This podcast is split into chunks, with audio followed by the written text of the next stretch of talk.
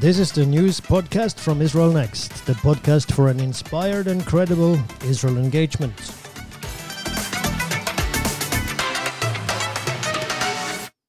Yeah, and with that abrupt ending comes an abrupt beginning of this uh, podcast, which is the news podcast. And uh, in studio, this is Ruar Sørensen, and I'm sitting here alone with uh, fear and trembling. Yeah, for those of you who have followed us, you know that I'm I'm usually here together with Aletta, but uh, this news podcast I'm I'm trying to do on my own, and uh, as is to illustrate the fear and trembling on the inside. On the outside, there is uh, thunder and lightning and uh, summer storm. So it's it's really the rain is pouring down. So I hope that's not uh, the, it doesn't illustrate what's going what this pod is going to be like.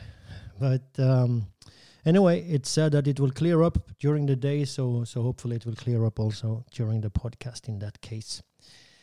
Anyway, uh, this is the inside out part uh, of our usual podcast. Uh, inside out, meaning we want to give the voices from the inside of Israel, uh, we want to let them be heard outside.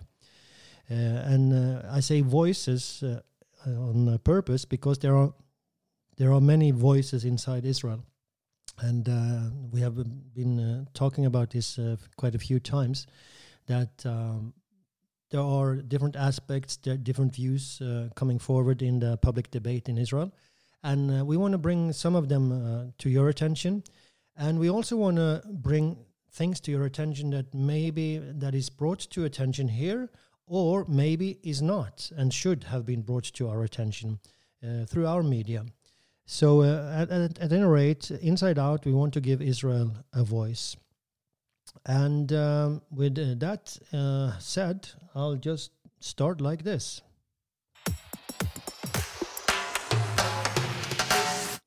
So every time you hear that little uh, transition, it means that a new topic is starting, and now it's the first topic.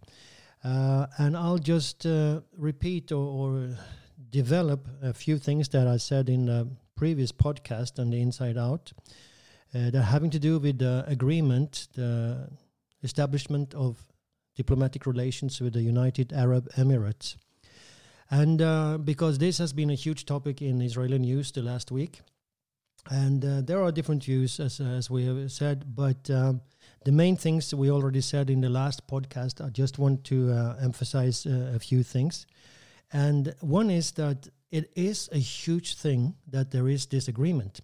Uh, we should not uh, discard this or, or, or like um, make it smaller than it is because it's a huge uh, breakthrough and uh, it also has taken away this uh, automatic uh, right of veto that the Palestinian Authority has had in the Arab League when it comes to issues dealing with Israel. And uh, so this may open up for more states to uh, enter into diplomatic relations with Israel something that would be so good for the entire region. This region needs peace more than maybe any other region. Uh, it has been uh, there has been plenty of conflicts, uh, and I'm not only talking about conflicts between Israel and the Arab states, or rather the opposite, the Arab states and Israel, but also internal conflicts in the Arab world. So uh, this this region is is really in need of peace. And um, now there's talk that uh, countries like Bahrain, Bahrain, uh, how do you say that? Oman, Morocco, and Sudan are also like in the pipeline, uh, wanting to make peace or. or uh, establish uh, diplomatic relations with Israel.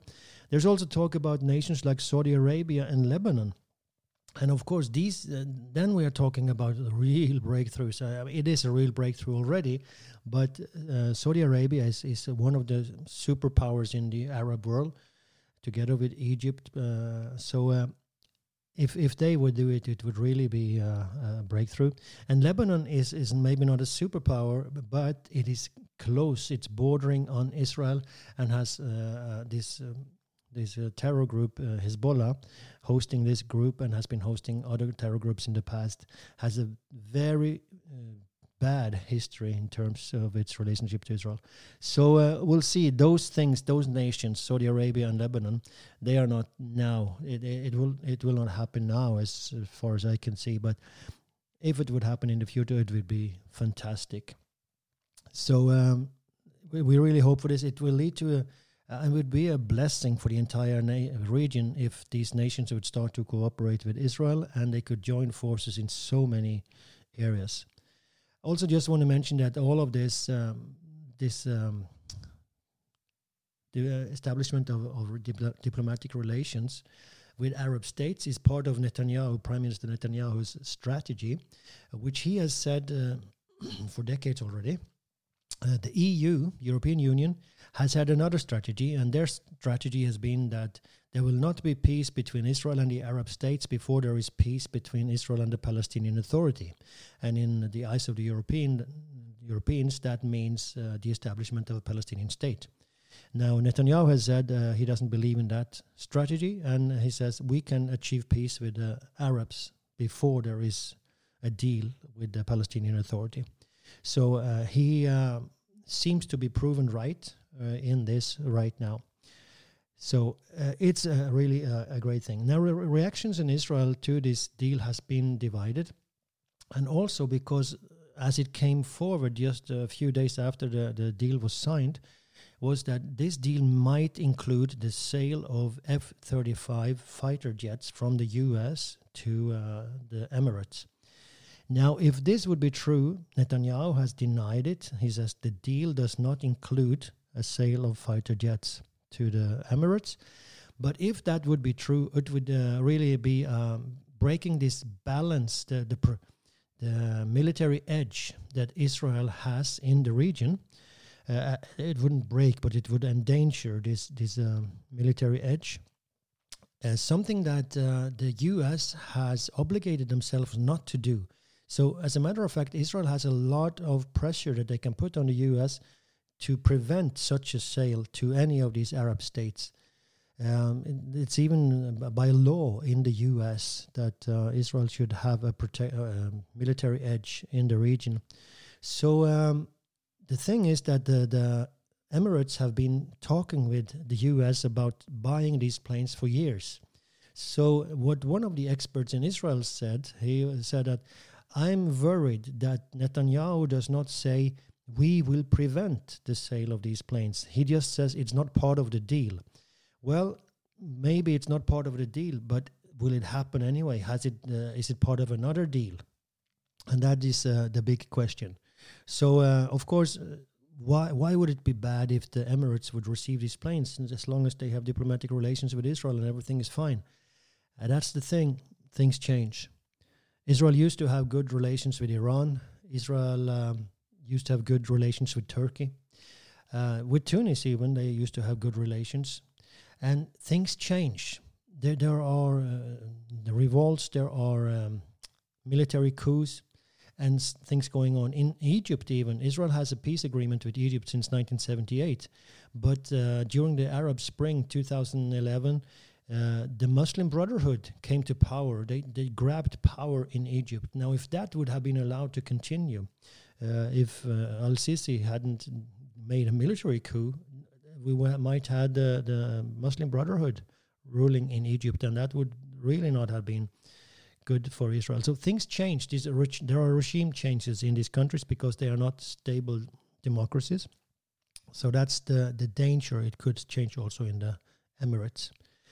So um, having said all this, I just want to mention again the, the thoughts because for some this this sounds sounds naive.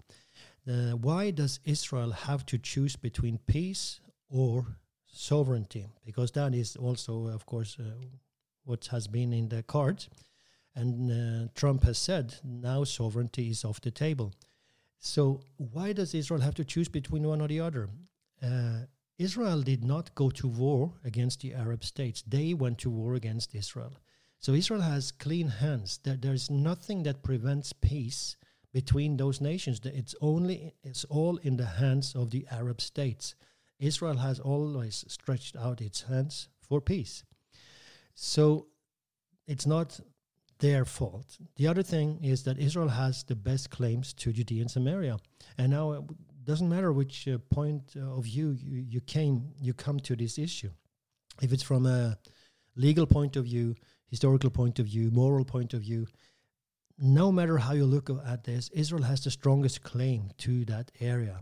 Doesn't mean that Arabs, the Palestinian Arabs, do not have claims. They do have claims. They have individual claims and, and, and so on.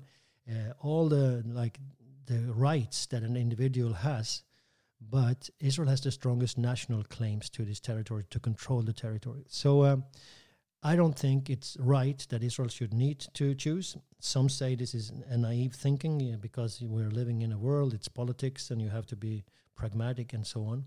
Yes, but unless we think straight, we will not act straight.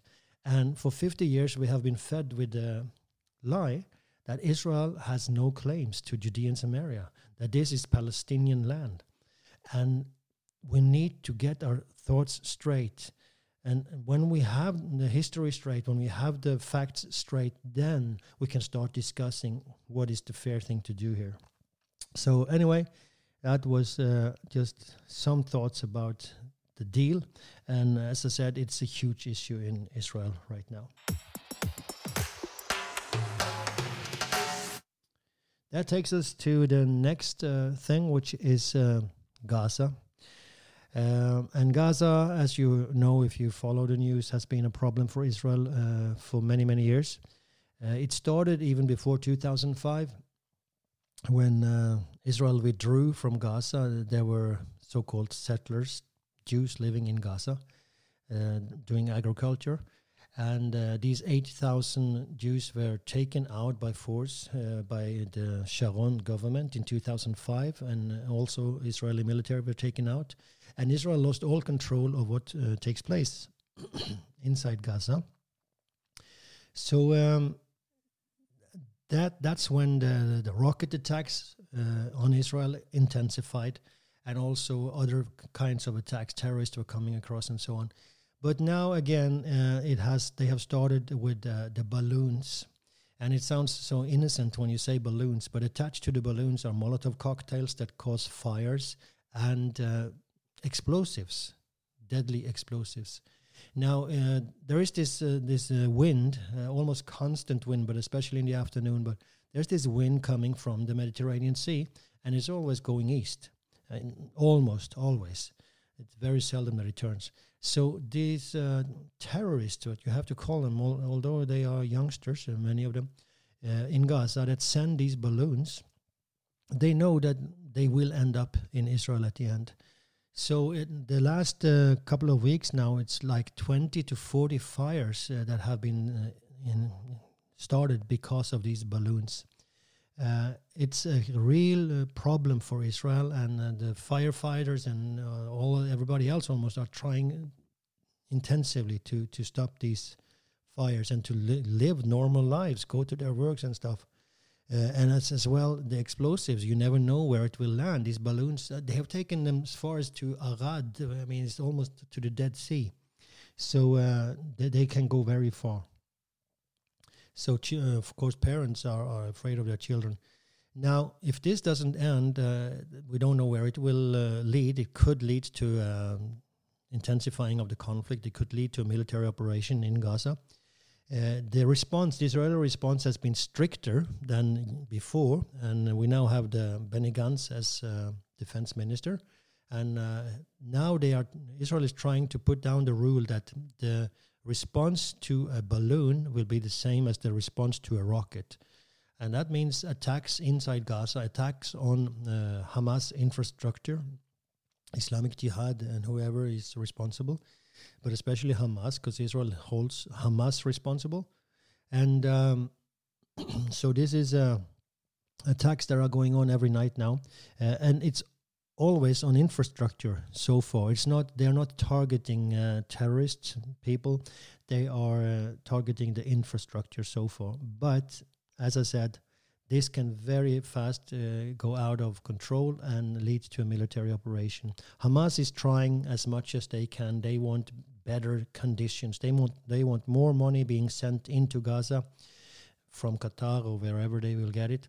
Uh, they also want uh, their own people, workers from Gaza, to be sent into Israel. They want more permissions. There are already workers coming, uh, but they want more permissions. it's a strange claim. I mean, they, they claim to be wanting the destruction of Israel, but they also claim to have they want more cooperation and they want Israel to kind of finance them in this way because that's what happens. They will bring their wages to to Gaza, and so on. So uh, Hamas is is trying to get back on the map, get back in the discussion, and uh, using these balloons and rockets as well to uh, do that.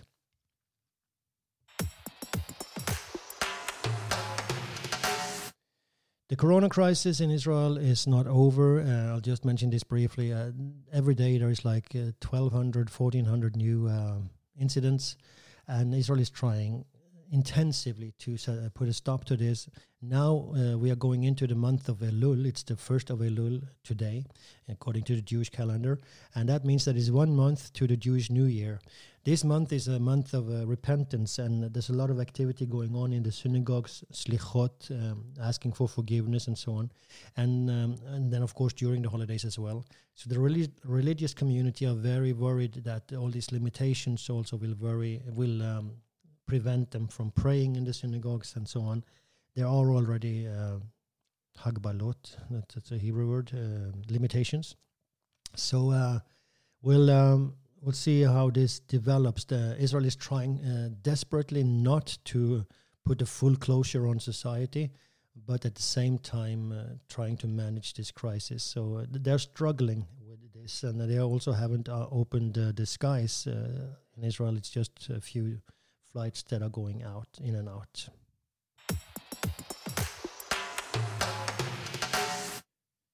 Time is running, and um, I have a couple of issues more to speak about. So, uh, the government uh, coalition crisis is uh, there's a crisis going on even there.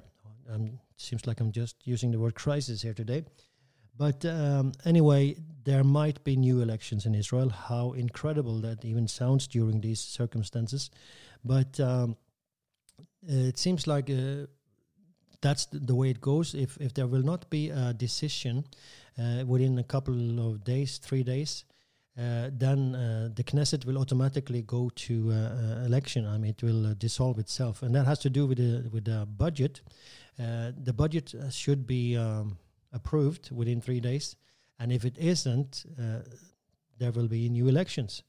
Now there is a an attempt to postpone this date with hundred days, uh, but that law has also got stuck because negotiations between Likud and Blue and White, and um, it seems like everything is in the hands of Benny Gantz and Netanyahu, and uh, at the moment it really seems like it goes towards uh, elections. At the same time, there is the chance that uh, Netanyahu might try to form a right wing government but it's doubtful that he will succeed because um, there are people on the right who are very little interested in sitting with uh, Netanyahu, uh, working with Netanyahu. They have bad experience with it, and also the right-wing parties such as uh, the Naftali Bennett's party um, that I just forgot the name on right now, uh, Jewish Home, Habayit Yehudi. They um, they have uh, now a tremendous support in the polls. Now they know that that's not uh, the same as uh, people in the parliament, but uh, the question is if, if he would rather go to election than go into a government with Netanyahu right now. It's impossible to predict this, but as I said, within two, three days, these things will be clearer.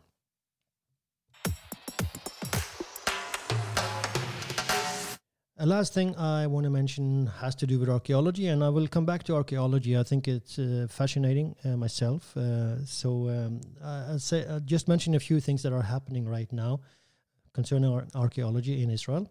And, and one thing is that radiocarbon dating is becoming more and more reliable, more and more accurate. Now, um, that's uh, due to new uh, finds that they have uh, made, and as a result of these, they have been able to uh, configure, to, to uh, calibrate this curve, the radiocarbon calibration curve. Uh, and I won't go into details on this because it's it has to do with how much carbon there is in the air at any given time, but or in the in, yeah in the world. So anyway, when it comes to different periods, um, the carbon dating method has uh, it's different reliable. It's re- more reliable for certain periods.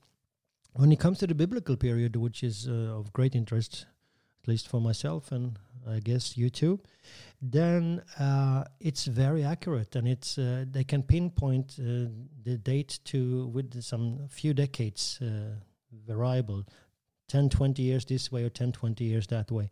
So if they find an organic material they can be pretty certain uh, on how to date it. So this is interesting. Uh, the next uh, thing i want to mention is that tel azeka is being excavated again.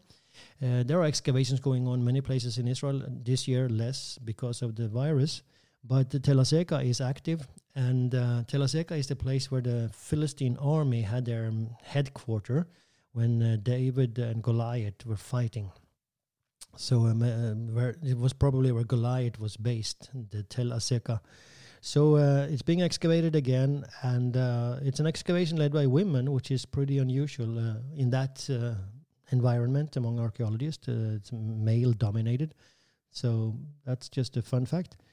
and the last thing I want to mention is this uh, heaps of stone that are found around Jerusalem, and uh, they're called tumuli, tumuli or tumulus in uh, in singular, and they, they are found 20, 1920 of them around Jerusalem, and it's mostly or it's on the west and south uh, side of the Jerusalem. And for those who are interested and, and uh, familiar with Jerusalem, it's in that Givat Masua, Kiryat Hayovel, Givat Menachem, Ramat Rachel, Gibea. Th- these are areas where they are located. And they are dating from the period around the 11th century to the 6th century, which is exactly the date of the, the kingdoms of Israel and the kingdom of Judah, uh, the Old Testament kings. So uh, there's a big discussion what these uh, heaps of stone, what they are. Some of them are up to 10 meters high, from 4 meters to 10 meters high.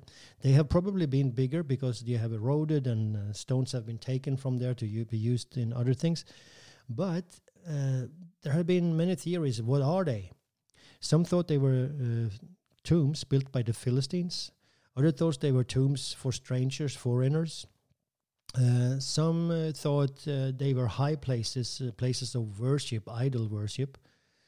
And uh, Gabriel Barkay, a very well-known archaeologist in Israel, he believes that they were places for commemoration of the kings of Judah.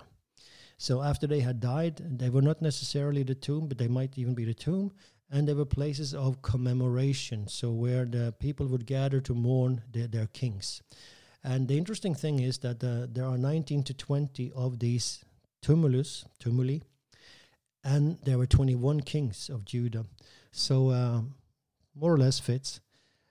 So that's um, just interesting. It has come up now because of a new one that they found or, or that they started excavating uh, just south of Jerusalem at uh, Ramat Rachel, close to Ramat Rachel. So that's why it's uh, again relevant. Before I finish this uh, news part, I just uh, want to mention that if you want, it's possible to support Israel Next.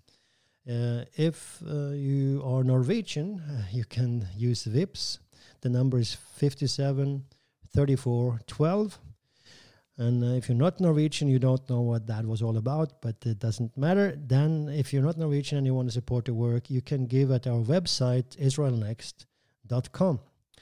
So that was the first uh, Inside Out, and I'm looking forward to, forward to share with you again next week when we will have a full uh, podcast uh, episode.